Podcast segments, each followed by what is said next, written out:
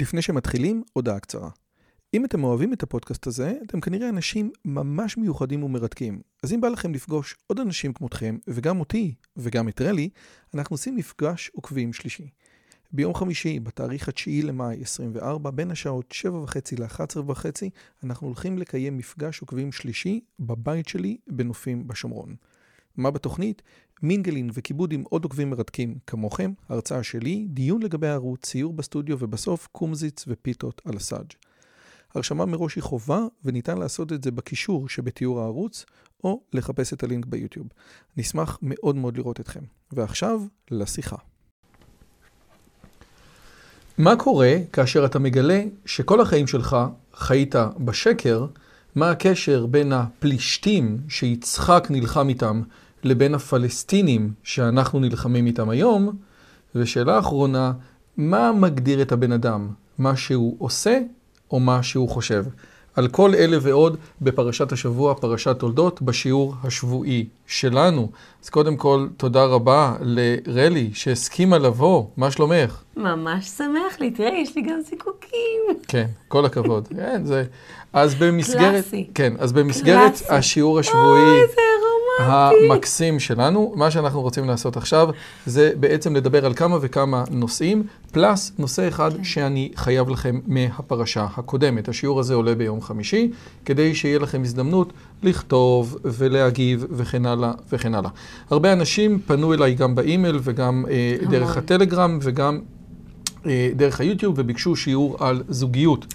אנחנו לא נעשה עכשיו שיעור על זוגיות. אוקיי. אני כן רוצה לגעת בנקודה אחת מתוך העולמות האלה, שהיא קשורה לפרשה הקודמת, כן? בפרשה הקודמת מדובר על זה שיצחק לוקח את רבקה ובעצם מחליף אותה בשרה, זאת אומרת שרה מתה, ואז רבקה שלו. מגיעה. אימא שלו והיא- נפטרה, ורבקה מגיעה בדיוק באותו כן. זמן. בדיוק. ו... לא באותו יום, אבל באותה תקופה. והטקסט שבעצם אנחנו קוראים בפרשה, זה שיצחק לוקח את רבקה, אוקיי? וינחם מחר. כן. ויביאה יצחק האוהלה שרה אמו, ויקח את רבקה ותהי לו לאישה, ויאהביה, וינחם יצחק אחרי אמו. יש פה תהליך.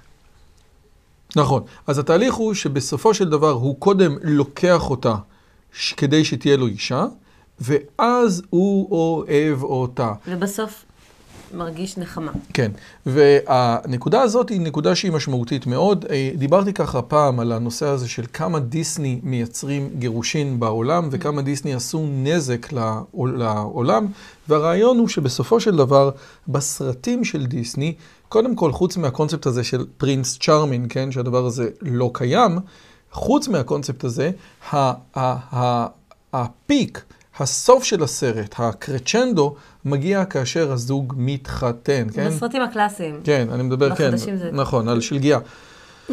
לא, נכון, לא, בסדר, אבל הדיסני הקלאס, בסדר, יופי, בואי, תגידי שאני ישן וזקן. יופי, מצוין. לא, כי אנחנו לא רואים סרטי דיסני כבר 20 שנה, אז אנחנו לא יודעים. יכול להיות שעכשיו הסוף השתנה. סביר שהשתנה. בכל אופן, אז uh, בעצם החתונה, כן, זה הפיק של החיי uh, זוגיות. אנחנו רואים את זה גם בתרבות שלנו. זה היום הכי שמח בחיים שלי, הקונספט של ברדזילה, כן, זאת אומרת ברייטזילה, אותה גברת שכל הזמן חולמת על החתונה שלה, עד כדי כך שהיא פשוט משתגעת ונהיית מוטרפת מהקונספט הזה. והנקודה היהודית, כן, וגם רב חיים שמילביץ מדבר עליו וכן הלאה וכן הלאה, היא בעצם אומרת את הדבר הבא. טעות טועה העולם, אני מצטט משיחות מוסר של רב חיים שמילביץ, שאני יודע את הציטוט הזה בעל פה, כי פשוט במשך הרבה מאוד שנים, כל מי שהזמין אותנו לחתונה שלו, חוץ מצ'ק, היינו כותבים לו את הפסוק הזה. טעות טועה העולם שאנחנו מיטיבים עם מי שאנחנו אוהבים. אלא, מתוך שאנחנו מיטיבים עם מישהו, אנחנו נעשים לו כאוהבים. הרעיון של אהבה שונה מהקונספט של התאהבות, שזה אוקסיטוצין, דופמין, זה דבר שאתה יכול למדוד אותו כתופעה פיזיולוגית, כן?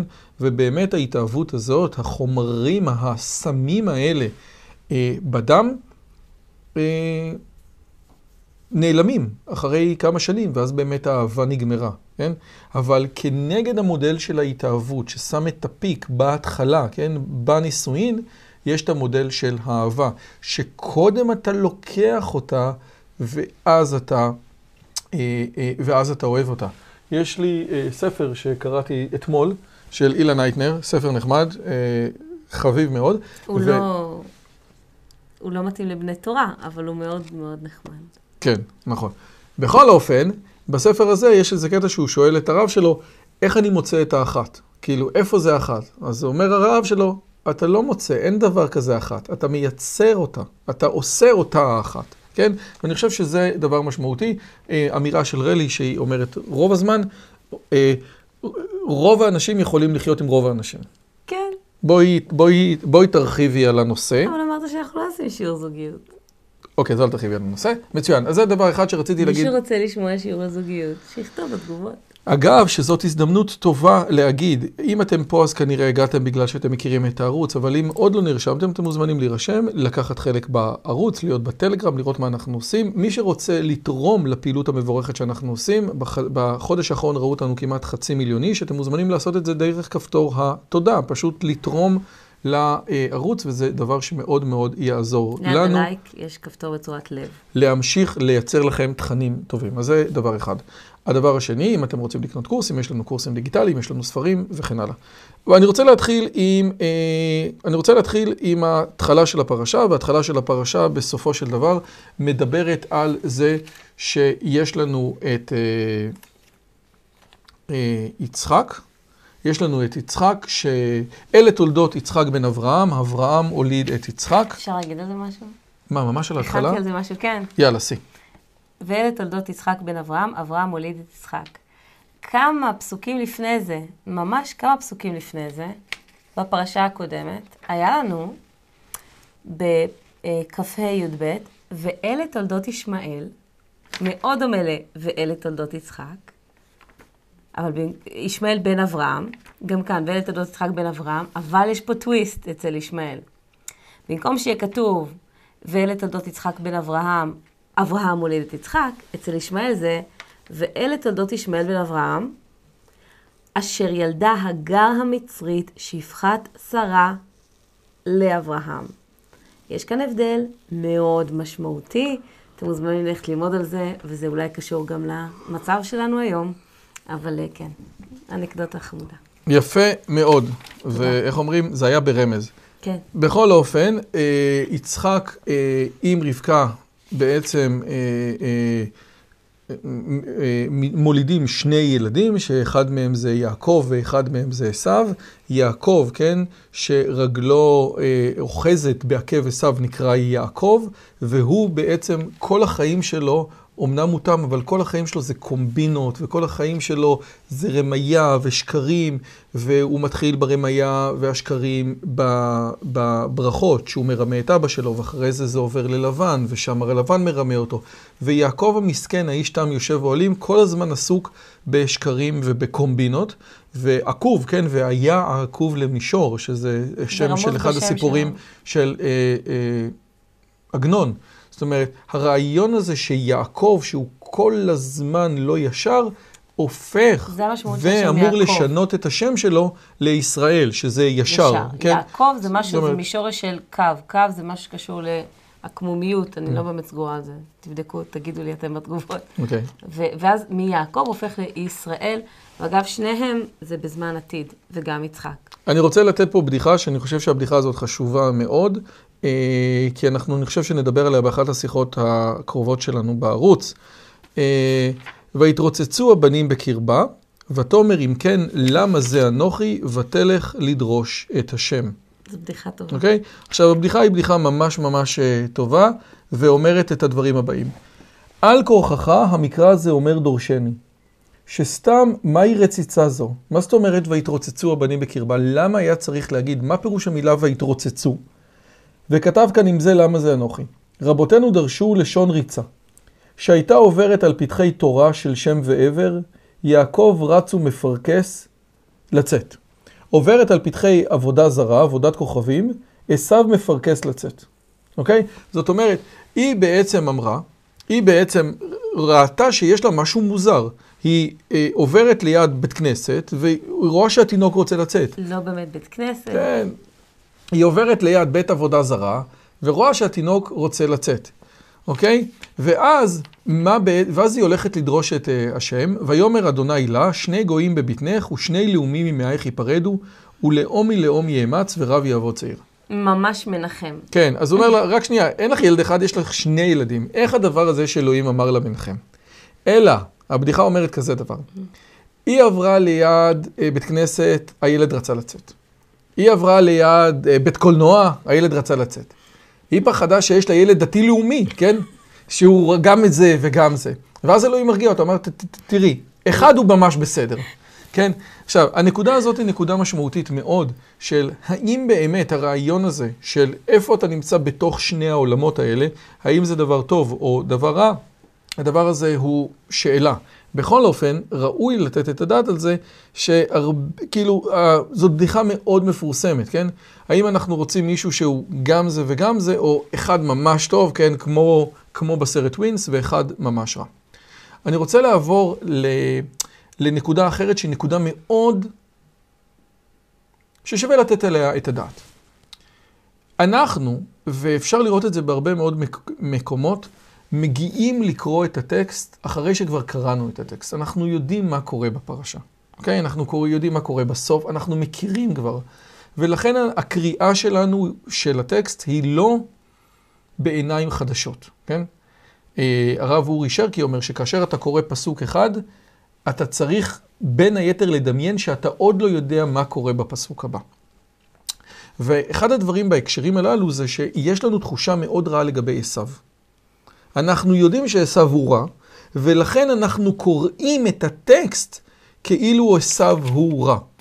אני אתן דוגמה, ויגדלו הנערים, ויהי עשו איש יודע ציד, איש שדה, ויעקב אשתם יושב אוהלים. כן? אז מה זה אה, זה שעשו עושה כל מיני דברים רעים?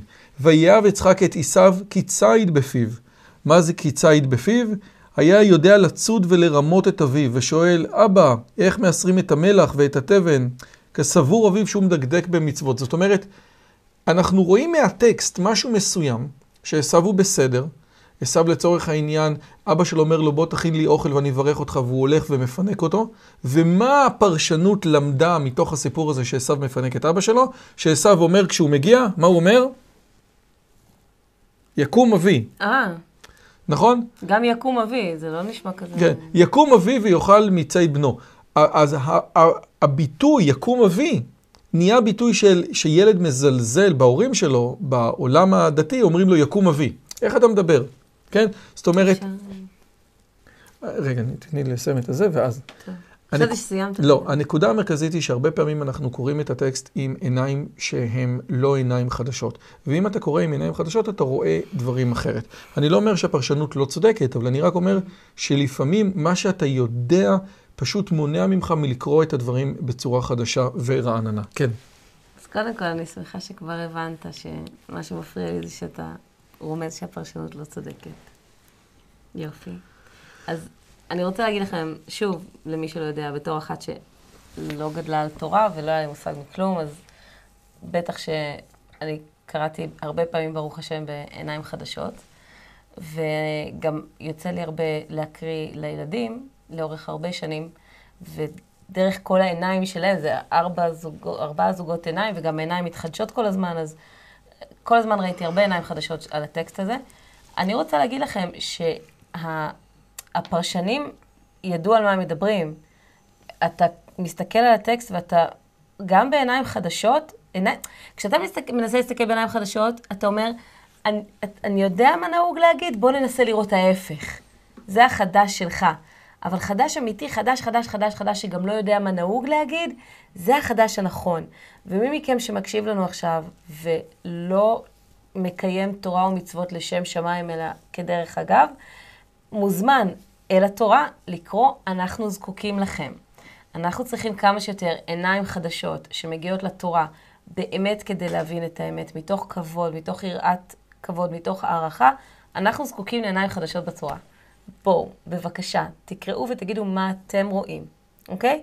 בנוסף, אני ממליצה להסתכל על הפרשנים, כי הם מביאים הסתכלות מאוד מגוונת ומאוד עשירה.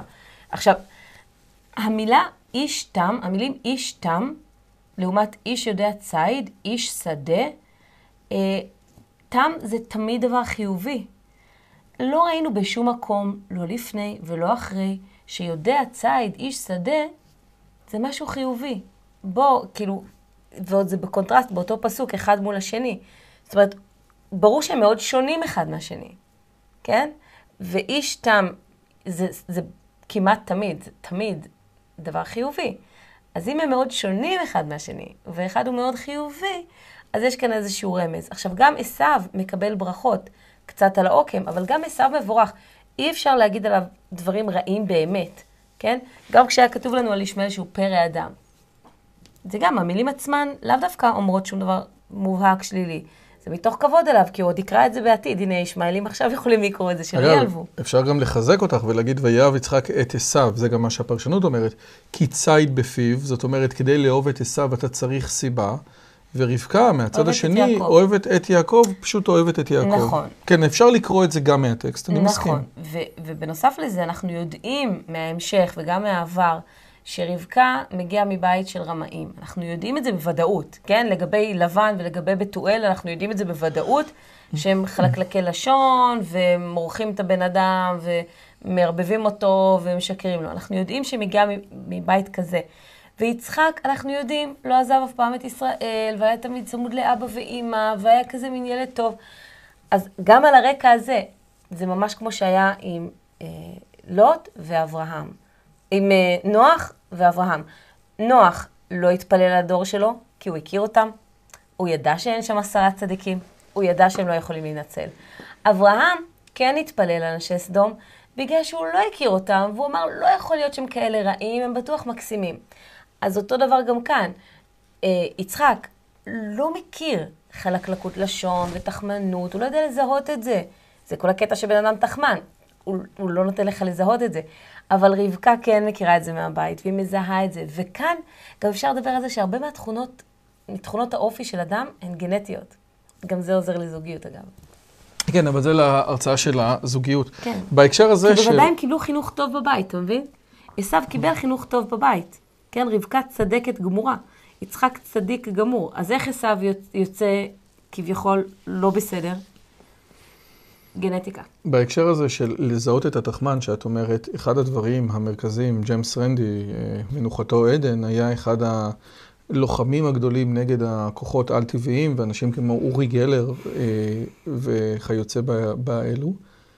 והוא אמר שהעובדה שאורי גלר מצליח לשיטתו לעבוד או לרמות כל מיני מדענים, זה מכיוון שהמדענים לא מורגלים באנשים תחמנים, כן? בדיוק. המדען שיש לו צלחת פטרי במעבדה, הוא, הוא, הצלחת פטרי לא מנסה לעבוד עליו. אבל כאשר מדען בודק אם מישהו הוא שרלטן, אז יש שתי אופציות. אם הבן אדם אמיתי, אז הוא אמיתי. אבל אם הוא לא אמיתי, והוא טוען שהוא אמיתי, אז הוא ינסה לרמות אותו כדי שאותו מדען יחשוב שהוא אמיתי. כן, אני מדבר על טיילור שבדק את uh, אורי גלר. הנקודה הזאת היא נקודה משמעותית מאוד. מדענים לא הוכשרו בלעבוד עם אנשים שהם מרמים, ולכן, אומר ג'יימס רנדי, העובדה שמדען אומר שאורי גלר הוא בסדר לשיטתו, לא באמת מוכיחה. תן לרמאי לבדוק רמאי, רק רמאי מכיר רמאי. אני רוצה לקחת את מה שאת אומרת לאותו מקום שפתחנו בו את השיחה, ולדבר על העניין הזה שבן אדם חי בשקר. ברגע שיצחק מבין, ברגע שיצחק מבין שהוא בעצם, שהוא בעצם ברך את יעקב, אני רוצה לקרוא את הטקסט הזה, אוקיי? כן, כן, זה כבר בהמשך. טה טה טה טה טה, ויאמר יעקב אל רבקה, אין עשיו, ויבא אל אביו, טוב, ולא הכירו כי היו ידיים, אוקיי. הנה. ויהי כאשר כילה יצחק לברך את יעקב, ויהי אך יצו יצא יעקב מאת פני יצחק אביו, ועשו אחיו בא מצידו. ויעש גם הוא מטעמים, ויבא לאביו, ויאמר לאביו, יקום אביו ויאכל מציד בנו, בעבור תברכני נפשך. ויאמר לו יצחק אביו, מי אתה? ויאמר, אני בנך בכורך עשו. ויחרד יצחק חרדה גדולה עד מאוד. ויאמר, מי איפה הוא הצד ציד ויבא לי ואוכל מכל בטרם תבוא ואוכלנו? מי זה שהיה פה קודם? כן, כשמו עשו את דברי אביו, ויצעק צעקה גדולה ומרה. אני רוצה לדבר על ויחרד יצחק חרדה גדולה עד מאוד. וגם הוא צועק צעקה גדולה עד מאוד. צעקה גדולה ומרה עד מאוד. כן, אבל זה, אבל, אבל זה עשיו שצועק. ברור, אני כן, מבינה נכון, את זה. אבל אני רוצה- זה המילים עד כן. מאוד, הן מאוד נדירות, ושתיהן נכון. מתייחסות לאותו, לאותה סיטואציה, כן. שניהם הרגישו עד מאוד את הרגש שלהם. הנקודה שרב חיים שמילביץ אומר היא, היא, היא, נקודה, היא נקודה מאוד מעניינת. הוא אומר כזה דבר. עד מאוד מעניינת. עד מאוד מעניינת. הוא אומר, בסופו של דבר, ברגע שיצחק הבין שיעקב קיבל את הברכות, הוא הבין שזאת הייתה התוכנית האלוקית. ואם זאת הייתה התוכנית האלוקית, אז מה שיצחק עוד הבין באותו רגע, זה שכל החיים שלו עד לאותה נקודת זמן, הוא חי בשקר. כי הם דיברו ביניהם מה קורה עם יצחק, מה קורה עם יעקב, מה קורה עם עשיו, וליצחק היה קו שאולי עשיו יודע ציד והוא יותר אה, מופרע, אבל צריך לקרב אותו. עשיו הוא הבכור, ואולי דרך עשיו נמשיך את השושלת הזאת. יצחק האמין שעשיו יכול להיות זה שממשיך. וברגע שהתוכנית האלוקית סובבה שלו, וזה יעקב, יצחק הבין שכל החיים שלו הוא חי בשקר. החרדה לא הייתה על זה שלקחו את הברכות, אלא החרדה הייתה על זה שזה שלקחו את הברכות בעצם הוכיח שיצחק חי כל החיים שלו בשקר. על זה הדבר הזה. והדבר הזה זה דבר שהוא מפחיד מאוד מאוד מאוד. רב חיים שמילביץ אומר שזה קורה עוד כמה פעמים, כן? ש, שאנשים פתאום, פתאום מבינים ברגע שהחיים שלהם היו שקר אחד גדול. כן. באותה נקודה, מאחר ואנחנו לא יודעים אם הם דיברו בינם לבין עצמם, אה, יצחק ורבקה, לגבי הדבר הזה. אנחנו לא יודעים. באותו רגע, מב... מה שאנחנו יודעים זה שלא כתוב לנו שהם דיברו על זה, יצחק ורבקה, על כל הנושא הזה. באותו רגע הוא הבין שרבקה עשתה את זה, כי זה היה חייב להיות רבקה. כי היא זאת ששמעה, והיא זאת שהלכה להגיד לי, הוא הבין את הכל ברגע, היא היחידה שהייתה יכולה לעשות את זה, והוא הבין שכל השנים האלה היא שתקה. וכיבדה אותו. ולא רצתה, וידעה שהוא עומד לברך את עשיו, והוא הבין שהיא שמעה שהוא עומד לברך את עשיו, והבין שבאותו רגע, גם באותו רגע, היא לא אמרה לו, תקשיב, אל, אל תברך אותו, זה לא נכון, הוא לא הילד הנכון. הוא הבין שהיא עשתה את זה בצורה הכי מכובדת שאפשר, וגם הוא הבין שהיא רצתה שהוא יעשה את זה בלב שלם. כי היא ידעה שאם הוא יגיד, אם היא תגיד לו, תקשיב, זה לא הילד הנכון וכולי וכולי, אז אולי הברכה לא תהיה כל כך מכל הלב ליעקב. כל הדברים האלה ביחד. הרבה נושאים למחשבה לרגע הזה. רגע חזק מאוד. בום. את רוצה לדבר על מה שאהרון שאל לך על פלישתים לעומת אה, פלסטינאים? סיימנו עם זה, אוקיי, עוברים לדבר הבא. סבבה, כן. כן. אה, חוזרים אחורה טיפה, כן? אה, אני סימנתי את זה, אבל עכשיו אני לא כל כך מוצאת את זה, אז אם תדבר. הנה, בבקשה, מצאתי, יופי, טוב. אוקיי, טוב. טיפה אחורה בזמן, יצחק, אוקיי? אבא, אה, כשהוא עדיין אה, מאוד מאוד פעיל וחופר בארות עם העבדים שלו. יש את הנושא הזה שהפלישתים אה, סותמים את הבארות, גם את הבארות שאברהם חפר בזמנו, וגם את הבארות שיצחק חופר עם העבדים שלו. וזה מדהים, כי המילה פלישתים, בעצם, בעצם הערבים שמתגוררים כאן ומכנים את עצמם פלסטינאים, בחרו לעצמם את השם הזה על בסיס השם הרומאי לארץ הזאת, שנועד להיות לעג לעם ישראל. השם הזה הוא פלסטינה, והרומאים... אגב, במפה שלנו פה מאחורה, כן. כתוב פלסטיין, כן, הבריטים מפה. לקחו את הרעיון הזה מ... זה זה היה ישן רעיון מאוד, שנדבק, כן, כן, זה היה רעיון אה, רומי. תפס חזק. אז הערבים שהתאספו ובאו לגור כאן כמהגרי עבודה לאורך השנים מאז שהתחילו לעלות לכאן יהודים, החליטו לכנות את עצמם פלסטינים, כדי כביכול, דרך השם הזה, לקשר את עצמם למאות שנים כאן לאדמה הזאת, שבעצם אין להם כמעט שום קשר אליה, בטח לא יותר מאשר אנחנו. אבל אה, זה מאוד, זה, זה צחוק הגורל שהם בחרו לעצמם בעצם שם שמעיד על התרבות הכי בזויה ב, בהיסטוריה. הפעם הראשונה שאנחנו מכירים את הפלישתים זה כאן, בפרשה הזאת. ואנחנו רואים אותם בתור אנשים צרי עין. רעים. טיפשים נורא. באמצע זמן של רעב, אני, שוב, אני אומרת את זה לגבי הפלישתים, כן? לגבי הפלישתים אני אומרת את כל המילים האלה, סבבה? זה, זה, הדבר שהם עושים זה הדבר שלא ייעשה. זה באמצע זמן של רעב, במדינה שאין בה, בארץ שאין בה כל כך גשם, הם סותמים בארות מים. סותמים עם עפר. והכתוב ממש אה, אה, מציין את זה, שזה מתוך קנאה. ואתה אומר לעצמך, איך, איך יכול להיות שאנשים יעשו דבר כזה? זה לא הגיוני. אתם צמאים, אתם רעבים, למה אתם סותמים בארות? מילא, תגיד, גנבתם בארות. נגיד, אוקיי, זה דברים שקורים. דברים רעים, אבל, אבל לסתום אותם? גם לך לא יהיה וגם לו לא יהיה. זה כאילו להרוס גם לאדם שאתה לא אוהב אותו וגם להרוס לעצמך בו זמנית. זה מעבר לכל היגיון בריא של כל אדם. ואלה הפלישתים, ככה אנחנו... זה, זה ההצגה של הדמות כן. הזאת בתורה. אגב, אני, אני, אני ממש רוצה לחדד, הקונספט הזה של בארות בעולם העתיק הוא כזה משמעותי, כן? אחד הסרטונים של מיסטר ביסט, כן? מה... אוי, מיסטר ביסט בפרשת שבוע. כן. היה שהוא בעצם חופר 100 בארות באפריקה, כן? אז מיסטר ביסט הוא, הוא, הוא לא פלישתי, כן? הרעיון הזה של מישהו שסותם בארות של מים בתקופה כזאת, הוא פשוט מטורף. זה באמת באמת מטורף, ואת זה הם עושים באמת מתוך רוע. פשוט מתוך רוע, קנאה. מתוך קנאה. זה קנאה שמביאה אותם לידי רוע. כי בסופו של דבר, שוב, זה, זה, זאת האקספוזיציה שיש לנו לגבי מה השם הזה פלישתים אומר, אז זה ממש אה, צחוק הגורל. אני לא הייתי בוחרת לעצמי שם כזה, זה שם ממש של גנאי, אוקיי? אה, ואז אבימלך, השליט של האזור, אומר ליצחק, העצה שיש לו לתת ליצחק זה לא, תקשיב, הם לא בסדר, אני אעניש אותם, אוי ואבוי, מה הם עשו. אם, לך יש את היכולת לחפור פה בארות, בוא, אני אמנה אותך לסגן שלי, אתה תחפור לי בארות בתשלום.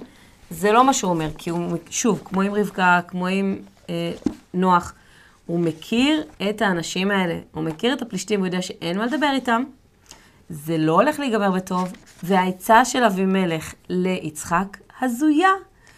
במקום להגיד לו, בוא תהיה הסגן שלי, בוא תחפור לי בארות, בוא ננצל את היכולות המדהימות שלך, הוא אומר, לך מעימנו.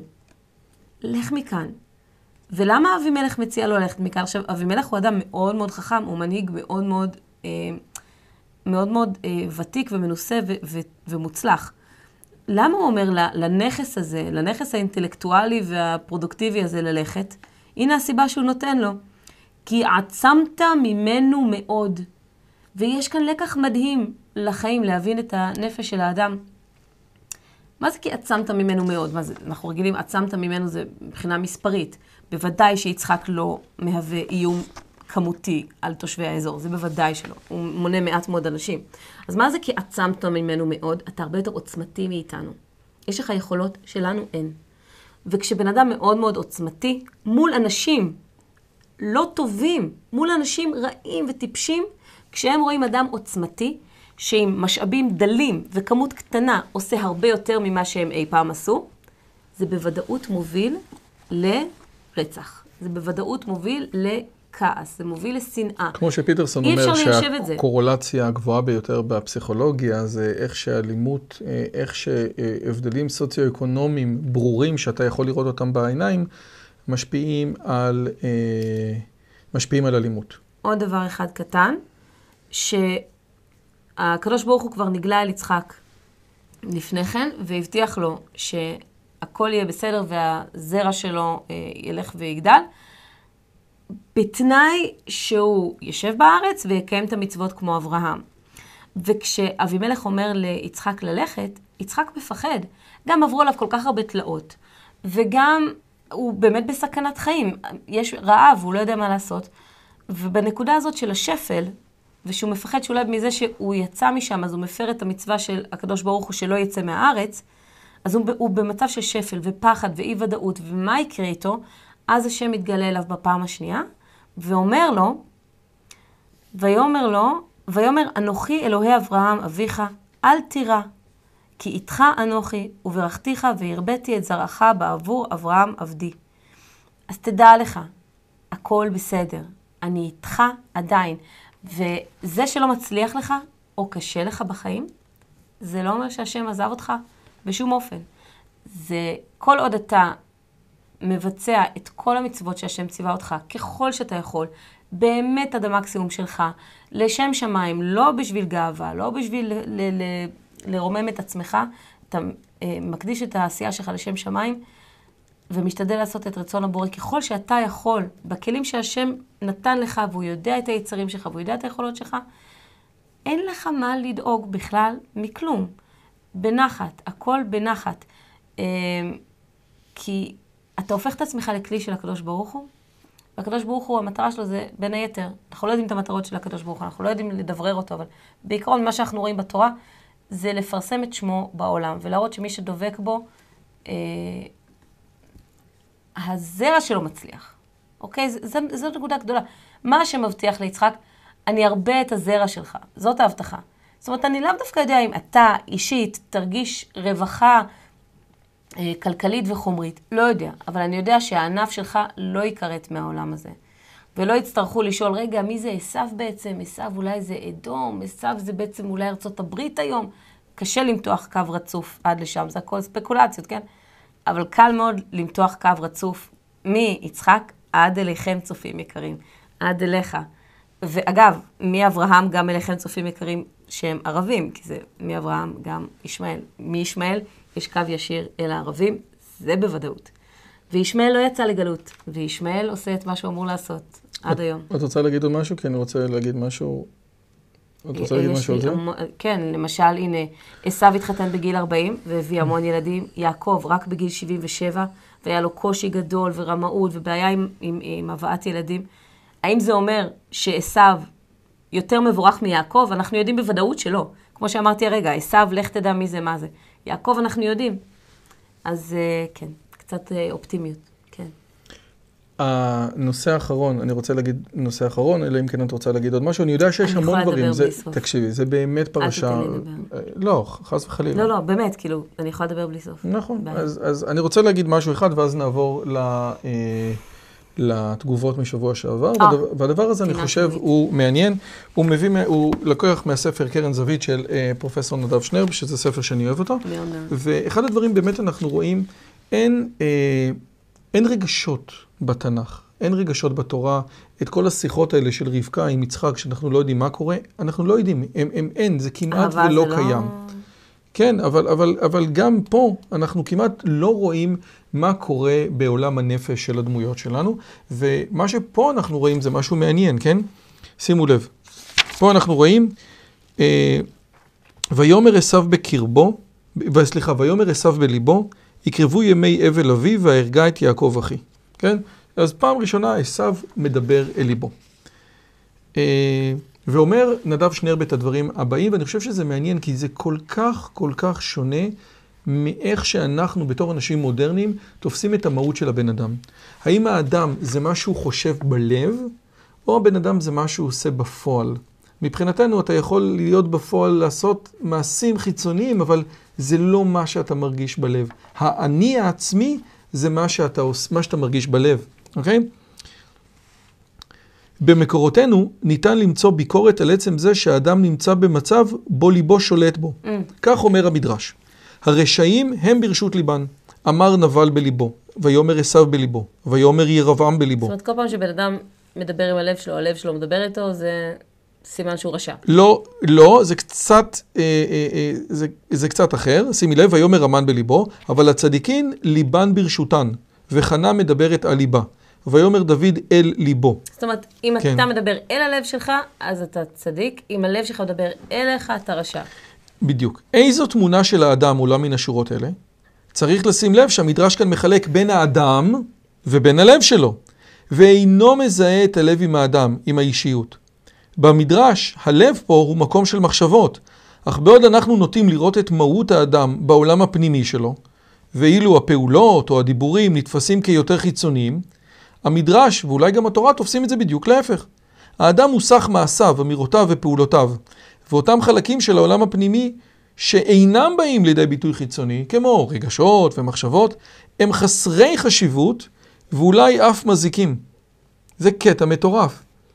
בהקשר הזה אנחנו רוצים לצורך העניין שלפי הרמב"ם, האיסור לשנוא את החבר בלב, זה אם יש לך משהו על חבר שלך ואתה לא אומר לו, ואתה סותם את הפה, אתה עובר על איסור תורה. שזה מאוד מאוד שונה, כן? היינו אומרים שאצלנו זה מידה טובה, פשוט סתום את הפה ואל תגיד לו ואל תעליב אותו. אבל לפי התורה, זה שנאת הלב, אומר הרמב"ם בספר המצוות, עוון חמור מהכל. אה, אני, אני, רוצה לחדד את זה מכיוון שההבדל בין, בין המחשבות ובין המעשים הוא, הוא הבדל מאוד גדול. אומר פה שנרב את הדברים הבאים. בין אם נלך בכיוון שהוצע כאן ובין אם לא, ברור הדבר שמבחינת ההלכה יש היררכיה ברורה המבחינה בין מעשים, שהם חשובים, דיבורים שהם בדרגה פחות חשובה, ומחשבות שהם בדרגה הרבה פחות חשובה. דוגמה חזקה לסברה הזאת נמצאת אצל רבי לוי בן חביב, הרלב"ח, מגדולי חכמי ירושלים. יש פה איזושהי שאלה שהוא עונה ואומרים את הדברים הבאים. ובעצם השאלה שהוא נשאל זה על דמויות שמספרים עלינו דברים רעים עליהם. כך לדוגמה מספרים חז"ל שבפגישתם הראשונה של דוד ואביגיל, כשהייתה נשואה עדיין לנבל, כבר תבע אותה דוד לזנות, וכן לגבי יוסף אמרו שכאשר נכנס אל אשת פוטיפר, אכן התכוון לנוף עמה. כל זאת כאשר הפסוקים עצמם אינם מדווחים על כך, ומדובר בדרשות שקשה לראות אותם כפשט הכתוב. אומר, אם הפסוקים לא אומרים שיוסף היה לא בסדר, והפסוקים לא אומרים שדוד היה לא בסדר, בשביל מה אתה סתם מלכלך עליהם? אז הרלב"ח דורש את הפסוקים איך שהוא אומר, אבל אז הוא אומר משהו מדהים. אין פה גנאי. דרשה כזאת אינה כנגד מעלת הצ- הצדיק. כיוון שהוא דבר במחשבה ולא יצא לפועל, אף על פי, אף על פי שתהיה, לאיזו סיבה שתהיה. ויותר מזה, הדבר הזה הוא לא סיפור בגנות הצדיקים, אלא אדרבה הוא סיפור במעלתם. זאת אומרת, אם בן אדם יש לו מחשבות איומות ונוראות, כן? של לתבוע לזנות ולנאוף, אבל הוא לא עושה את זה. והוא לא עושה את זה, אז. מבחינתנו זה מעלה של הבן אדם הזה. כן. זה לא משהו שהוא רע, כן? היינו חושבים שאצלנו מי שאין לו את הדברים האלה, הוא בסדר. אומר היינו חושבים את הרלב"ח, זה כי אנחנו בגלות עדיין. יפה. זה, זה מחשבה נוצרית. ו, ושנייה אחת רגע לפני שאתה עובר לכזה, אפשר עוד שנייה? כן, אתה עושה לנו עוד משהו? אני אעשה לך זיקוקים, ברגע שתסיימי אנחנו נעשה זיקוקים. כן, אז אני אעשה את זה מהר. יאללה, נו, זיקוקים. ושימו לב, יש כאן, יש כאן גם מהלך אה, נבואי לקראת מה שאנחנו הולכים, בעזרת השם, לסוף המלחמה הזאת. אה, אחרי שהם גירשו אותו, את יצחק מגרר, ורבו איתו וכולי, אלוהים מתגלה אליו, ואז אבימלך מגיע ואומר, היי, ראינו אה, שאלוהים אוהב אותך, אז בוא תהיה חבר שלנו ובוא נכרות ברית. ו, ואז אה, הם אומרים לו, אם תעשה עמנו רעה כאשר לא נגענוך וכאשר עשינו עמך רק טוב ונשלחך בשלום, אתה אתה ברוך אדוני. הם אומרים לך, תקשיב, תזכור, אנחנו לא נגענו בך, היינו רק טובים איתך, אתה זוכר? אתה זוכר? סביר להניח שזה מה שמחכה לנו בהמשך, אוקיי? שהערבים שכן יחליטו לקשור את גורלם בגורל עם ישראל, בגורל מדינת ישראל, יבואו ויגידו, תקשיבו, אתם זוכרים? אנחנו לא עשינו לכם שום דבר רע. עכשיו, זה, זה עניין של פרשנות, כן? הם גירשו אותם, היה מריבות איתם, בסדר, אבל באמת, באמת, באמת, יש להם צד להגיד שהם לא עשו שום דבר רע. הם לא לקחו את הכסף שלו. הם לא פגעו בו באמת פיזית, כן? אז מה יצחק מראה לנו שצריך לעשות במקרים כאלה? שהם inevitable, שהם בלתי נמנעים, שזה מה שעומד לקרות? כרות איתם ברית. עצם העובדה, אפילו אם הם עושים כאילו, אפילו אם באמת כן רצו לפגוע בך או לא יודעת מה, אפילו אם עושים כאילו, עצם העובדה שהם אומרים לך, תקשיב, אנחנו רואים שאלוהים בחר אותך, אנחנו רואים שאתה, אה, אתה זה שראוי להגיע אליו ולבקש ממנו להיות שותף, מעולה, תכרות איתם ברית. אמירה יפה מאוד. תודה, המצאתי כרגע, אני מקווה שזה... וזהו, הנה, קיבלת אה, אני, פינוקים. תעשה לי עוד פעם, לא הספקתי לראות. באמת? שלא הספקתי לראות, הנה. בבקשה. ייי! אוי אוי, יש לי קצת על הכזה. הנה, יפה מאוד. ועכשיו אנחנו רוצים לעבור פינה לפרשת שבועית. חיי אנחנו צריכים שיהיה שרה. לזה ג'ינגל. כן. האמת היא, מה שרציתי... אה, אני רוצה שיראו אותי גם. רואים אוקיי? כן. יופי. אוקיי, תודה, אתם דוגמה לזוגיות בונה איזה ומשלימה. כיף לנו. כן. די, נו. בונה ומשלימה. כן, כן, הוא כן. לא אמר זוגיות מושלמת, אני חושב שזאת... בונה. זה, אה, משלימה. טוב, פרשת חיי שרת אשפד, אני לא יודע מה זה אומר. עוד לא שמעתי כלום, אבל הלייק זה על המטפחת. עכשיו יש לך קשירה חדשה, נכון? תראי את הקשירה. זה- שמת לב? אהבת? אהבת? אגב, מי שרוצה אה, לתרום אה, מטפחות יפות כאלה, ואני אשים לה לינק לזה שלה. כן. מעניין העניין של. הניחוש זה והביטחון, רלוונטי לעשות דבר כזה? אבל קיצרת זה נחשב מדי. שהיא ספונסר כאילו של כן, הפרשת אפשר להרחיב או אה, קישור. אז אני צריך לעשות את זה, זה דרך השיעור של המורה נבוכים, אני לא יכול להרחיב. יש שיעור של מורה נבוכים. too short, אתם צודק, עכשיו קיבלת יותר אה, עכשיו ארוך. יצא ארוך.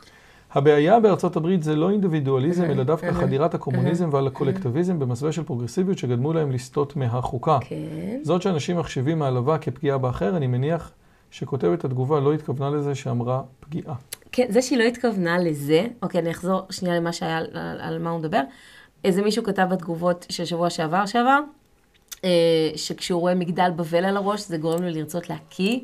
אה, ואז מישהי אחרת כתבה, בלי קשר אליו, שהיא ממש מפרגנת לי, גם בתור פמיניסטית, שהיא פמיניסטית, לא אני, אה, בתור פמיניסטית, היא מפרגנת לי, העיקר שאני עושה מה שטוב לי ולא פוגעת באף אחד.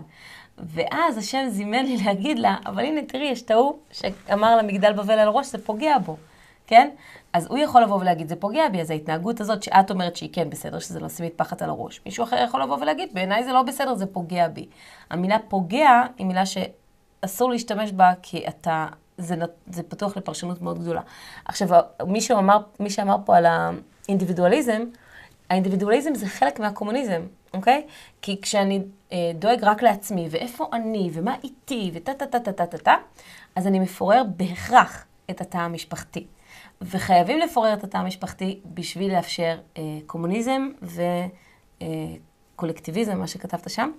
אה, זאת אומרת, שני דברים. שני דברים שהם ממש הפוכים אחד מהשני. הם לא הפוכים בכלל. הם בעצם- זה לא נכון בכלל. כי, לא נכון.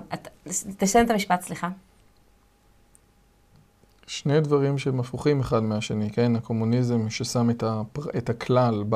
על ראש שמחתו, לעומת האינדיבידואליזם ששם את היחיד על ראש שמחתו, בעצם מגיעים ל... אה, אה, בעצם כן קשורים בקשר עמוק. נכון, בגלל שהבסיס לחברה אה, טובה, כפי שאנחנו נראה גם בפרשה הבאה, זה הקשר המשפחתי של התא הגרעיני. היחידה הבודדת של חברה טובה היא לא הפרט, אלא המשפחה. וברגע שאתה מפורר את המשפחה, אתה מקבל אה, אה, טוטליטריות. אתה מקבל שהשליט הוא זה ששולט על כל אחד ואחד מכם כגוף אחד, כן? אז בזה זה שונה מאינדיבידואליזם, אבל אינדיבידואל, אינדיבידואליזם הוא המכשיר ליצירת טוטליטריות. אה, אה, בהיעדר, אה, יש עוד שיטות ליצור טוטליטריות, אבל אה, פירור התא המשפחתי זה אחד מהשיטות המובהקות ביותר, ובואו לא נשכח שקומוניזם, אגב, זה מדהים למה שקורה היום, שכל אחד פותח חמ"ל, וכולם דואגים אחד לשני, ומשלוחי מזון, ומתקשרים לשכנים לשאול מה צריך, ומארחים משפחות. כל הדבר הנפלא הזה, כל הדבר המדהים הזה של ערבות הדדית, ולתת מהכסף של עצמך לאחר שזקוק, זאת האמת. מה שאנחנו רואים כאן, זה האידיאל. לא קומוניזם שבעצם מכריח את מצב של גניבה מכולם, הממשלה גונבת מכולם את עמל כפיהם ואת עמל החדשנות והתרומה שלהם לקהילה. הממשלה גונבת את הכל, ואז מחליטה למי לתת, למי לא לתת. בצורה שהיא לא אישית, בצורה שהיא לא מכל הלב. ברגע שאתה נותן לבן אדם את החופש להחליט לאיפה לנתב את הכספים שלו, את השפע שהקדוש ברוך הוא נתנו, האדם יקבל החלטות יותר טובות, בעיקרון, מאשר ממשלה. האדם, החברה בכלל תקבל החלטות יותר טובות, מאשר החלטות שתקבל ממשלה. יהיו אנשים שיקבלו החלטות לא טובות לעשות עם הכסף שלהם, אבל בממוצע, בכללי, אנחנו נקבל תוצאה יותר טובה. משפחתיות, קהילתיות, זאת התשובה. לא קומוניזם ולא גניבה.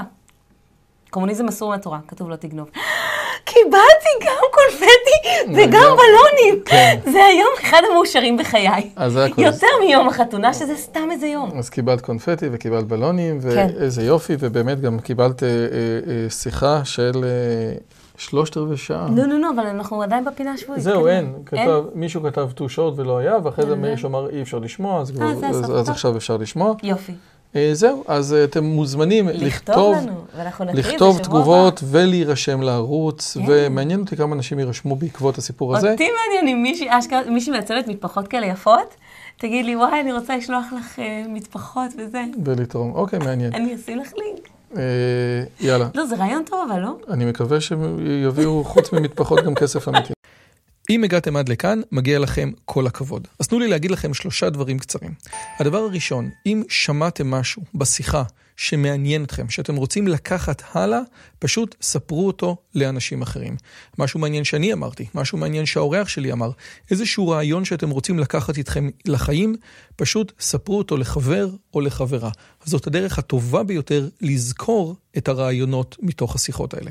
הדבר השני, אם אתם רוצים לקחת חלק בקהילה שלנו ולפגוש ולדבר עם אנשים כמוכם, אתם מוזמנים לערוץ הטלגרם שלנו, שווה לכם מאוד. פשוט תראו עוד אנשים שמתעניינים מדברים מגניבים בדיוק כמוכם. והדבר האחרון, אם אתם יכולים, דרגו את הערוץ שלנו באפליקציית הפודקאסטים שלכם, זה יכול להיות בספוטיפיי, באפל פודקאסט או בגוגל פודקאסט, זה תהליך קצר של שתי שניות, הוא מאוד מאוד יעזור לנו להפיץ את הבשורה הלאה. שיהיה לכם כיף גדול וכיף בשיחה הבאה.